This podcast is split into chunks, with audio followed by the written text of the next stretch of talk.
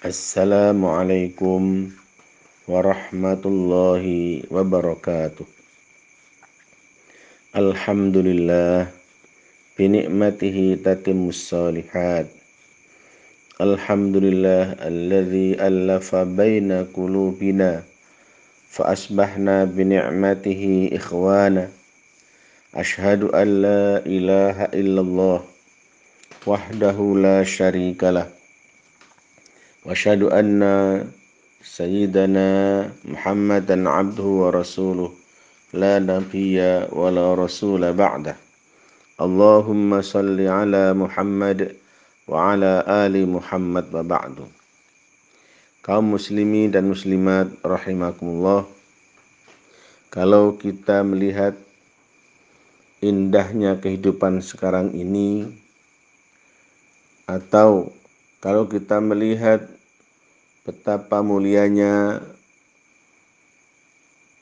seorang wanita dalam kehidupan Islam ini atau kalau kita melihat betapa kuatnya ukhuwah Islamiyah antar umat ini maka kita layak bersyukur kepada Allah Subhanahu wa taala karena ini semua terjadi lantaran Allah Subhanahu wa taala mengirimkan seorang rasul Nabi Muhammad sallallahu alaihi wasallam dengan membawa risalah Islam. Kita bisa membandingkan kehidupan manusia di saat Islam ini menjadi tuntunan kehidupannya dengan kondisi real masyarakat sebelum Islam ini tumbuh dan berkembang di dalamnya. Sebelum Rasulullah Muhammad Sallallahu Alaihi Wasallam dilahirkan dan diutus sebagai seorang Rasul, maka Jazirah Arab ini dikenal dengan masyarakat jahiliyah. Bukan karena mereka tidak punya peradaban. Mereka sudah memiliki peradaban yang tinggi dalam dunia materi. Perniagaan yang terjadi di Arab Saudi khususnya Mekah dan Madinah, itu sudah luar biasa. Pedagang Cina datang membawa barang-barang dagangannya dari India datang ke sana juga ada perniagaan yang luar biasa. Kalau ditanya kekayaan, jangan tanya, mereka adalah orang-orang yang kaya raya. Dikatakan mereka sebagai masyarakat jahiliyah karena mereka jahil, bodoh karena tidak mengenal tata kehidupan sosial yang mulia. Karena mereka tidak mengenal akan Tuhannya yang telah menciptakan kehidupan mereka. Itu bisa kita lihat dari banyak hal. Pertama, dari sisi keyakinan. Sebetulnya mereka itu adalah penganut agama Yahudi. Ada penganut agama Nasrani, ada Majusi, ada kaum Sobiah, juga ada di antara mereka sebagai penyembah berhala. Itu dari sisi keyakinan mereka. Namun keyakinan-keyakinan yang mereka pegang itu terkait agama nenek moyangnya Yahudi, Nasrani itu tidak menjadi tata laksana kehidupan mereka pada prinsipnya mereka adalah penyembah berhala. menyembah berhala. Sehingga dari sisi keimanan jelas dia tidak mengenal Tuhan yang menciptakannya, yang memberi kehidupannya. Inilah kenapa dikatakan mereka sebagai umat jahiliyah dari sisi keyakinannya. Dari tata laksana kehidupan sosial, mereka juga dikatakan sebagai jahiliyah.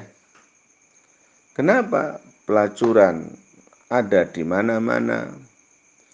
Pertumpahan darah menjadi hal yang kasat mata. Perbuatan keji yang tidak dapat diterima oleh akal yang sehat. Di antaranya adalah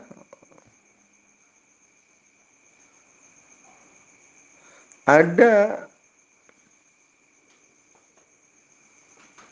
dalam kehidupan mereka itu membanggakan anak laki-laki dan merasa hina kalau punya anak perempuan. Anak laki-laki menjadi kebanggaan sebuah suku. Karena itu mereka akan diajari bela diri, penggunaan senjata, berburu dan lain sebagainya. Tetapi ketika mereka memiliki anak perempuan, mereka itu merasa malu, keluarganya merasa hina, sehingga tidak jarang ketika mereka diberikan karunia oleh Allah seorang anak perempuan, itu langsung dibunuh. Langsung dibunuh. Ada satu kisah umpamanya Umar bin Khattab radhiyallahu di masa jahiliyahnya dia adalah seorang tokoh yang sangat segani dan ditakuti oleh masyarakat sekitarnya. Sudah banyak orang yang hilang nyawanya ketika berhadapan dengan Umar bin Khattab. Termasuk dalam keluarganya. Ketika istrinya melahirkan seorang anak yang diharapkan oleh Umar bin Khattab nanti adalah seorang laki-laki dan dia akan mewarisi sifat dan karakter, kemampuan dan keahlian bapaknya, ternyata yang lahir adalah perempuan. Naluri seorang ibu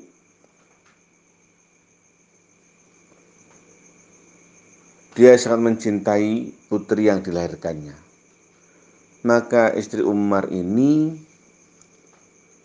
tetap mempertahankan kelangsungan hidup sang putri dengan menyembunyikan keberadaan anaknya perempuan itu di hadapan suaminya Umar bin Khattab.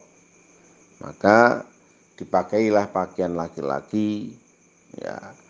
Kemudian diberikan pendidikan layaknya seorang laki-laki dan biasa di Saudi itu di Arab di Arab Jahiliyah itu seorang bapak itu selalu mengajak anak laki-lakinya merantau bepergian untuk jarak yang jauh. Dan bangga ketika bepergian dengan menggandeng seorang anak laki-laki.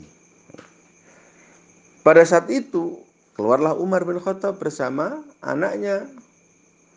Oleh sang ibu dipakaikan pakaian laki-laki dan tidak tampak pada diri anaknya itu seorang perempuan. Namun apa yang terjadi ketika di tengah perjalanan sang anak ini tidak buang air kecil, kemudian Umar melayaninya Dan betapa terkejutnya Umar ternyata anak yang selama ini dianggap laki-laki adalah perempuan. Ya, ternyata perempuan. Antara bangga kebanggaan terhadap anak dengan rasa hina karena dia seorang perempuan berkecamuk dalam dalam diri Umar bin Khattab. Maka ternyata yang memenangkan adalah budaya dan tradisi orang-orang di sekitarnya bahwa malu kalau punya anak perempuan. Maka Umar bin Khattab radhiyallahu membuat sebuah lubang galian rasa hilang kemanusiaannya dibunuhlah sang anak dengan apa dimasukkan dalam lubang kemudian ditimbun dengan tanah kenapa rasa malu punya anak perempuan rasa malu, punya anak perempuan belum lagi ketika kehidupan sosial yang rusak itu merajalela di Saudi, di, di Jazirah Arab. Di antaranya adalah betapa tradisi dan budaya melanjutkan kelangsungan hidup dan pewaris keluarganya itu didapatkan dengan cara yang kotor. Umpamanya ketika seorang suami memiliki seorang istri setelah masa sucinya dari haid itu dia kalau menginginkan keturunan yang baik, yang cerdas, kuat, biasanya sang wanita ini, istrinya ini diserahkan kepada orang itu dipersilahkan untuk bersenggama dengan wanita ini. Setelah bersenggama dan puas dikembalikan kepada suami aslinya.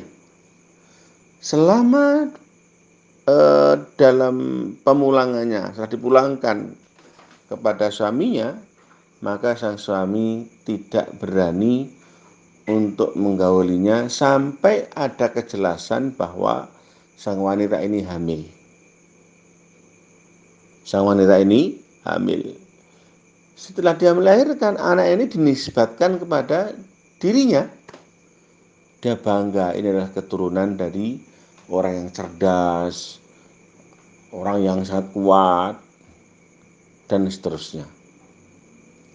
Artinya apa? Wanita tidak ada harganya sama sekali. Tidak ada harganya sama sekali. Belum lagi ada kebiasaan seorang wanita kemudian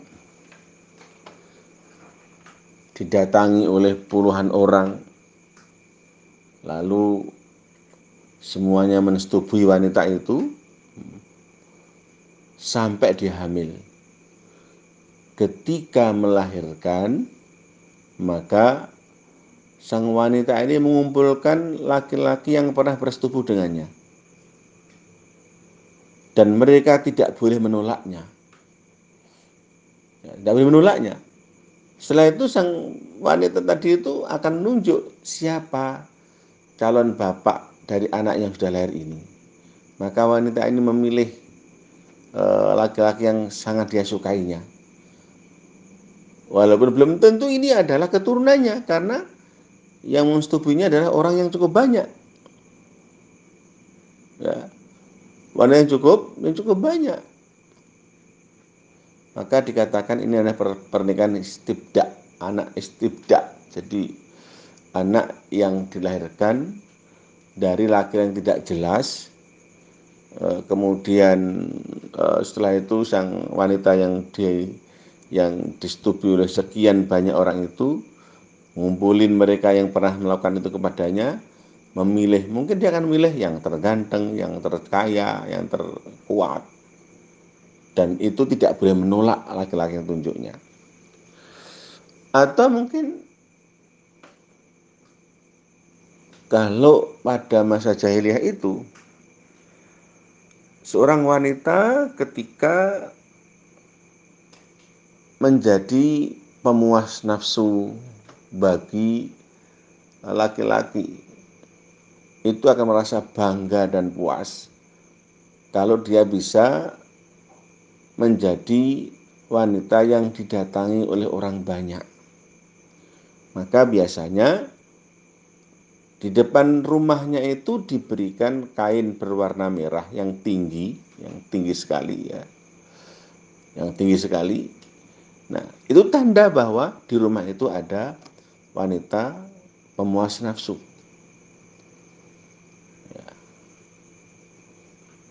Salah satunya adalah ada seorang uh, wanita yang menjadi idola bagi warga Jazirah Arab karena dikenal kecantikannya. Uh, dia ada di di Mekah sehingga siapa pun yang melewati rumah itu apakah dari perjalanan perniagaan atau memang mencari wanita yang dikenal di Jazirah Arab sebagai wanita yang luar biasa cantiknya. Maka sudah sekian banyak laki-laki yang mendatanginya. Suatu ketika datang berita tentang datangnya Rasulullah SAW yang membawa syariat. Dia keluar dari tempat itu. Tapi karena dia telah dikuasai oleh Abdullah bin Ubay bin Salul, sulit untuk keluar. Sulit untuk keluar, sulit sekali, tidak bisa. Dihajar oleh al dimasukkan lagi, Suatu ketika Allah memberikan kemudahan untuk keluar menghadap Nabi Shallallahu Alaihi ya, dia bertaubat kepada Allah Subhanahu Wa Taala, mengikuti tata laksana kehidupan Islam, maka berubah dari wanita yang hina menjadi mulia.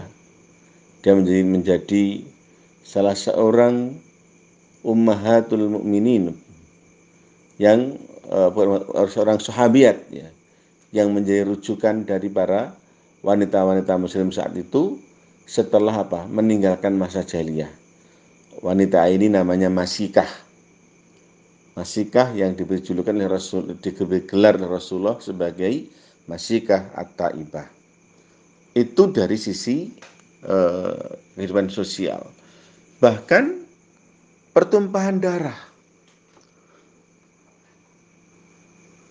itu menjadi sesuatu yang lumrah. Untuk apa? Mempertahankan gengsi harga diri mereka. Satu orang melakukan kesalahan, kemudian bertengkar sampai terbunuh, maka uh, kabilah yang terbunuh itu akan balas dendam secara keseluruhan. Kita melihat bagaimana uh, suku Aus dan Khazraj sebelum datangnya Islam pertempuran di antara mereka nggak akan pernah berhenti. Tidak ada henti-hentinya. Ya. Nggak ada henti-hentinya. Sudah banyak korban jiwa yang terbunuh hanya karena gengsi menjaga dan mempertahankan kelompoknya. Kondisi seperti ini dengan izin Allah Subhanahu wa taala menjadi berubah setelah datangnya Islam. Dari wanita yang tidak punya harga diri, yang dihinakan, menjadi apa? Menjadi wanita yang mulia. Wanita itu mulia dalam pandangan Islam. Perbudakan dan perlakuan kejam dari pembesar-pembesar kaum terhadap para budak yang perlakuannya di luar batas kemanusiaan itu menjadi hilang setelah Islam. Islam menghilangkan sistem perbudakan. Nah, kasus suku Aus dan Khazraj yang sepanjang kehidupan mereka selalu terjadi pertumpahan darah. Begitu datang Islam, uh, Mus'ab bin Umar sebagai delegasi utama untuk untuk menyampaikan Islam ke sana.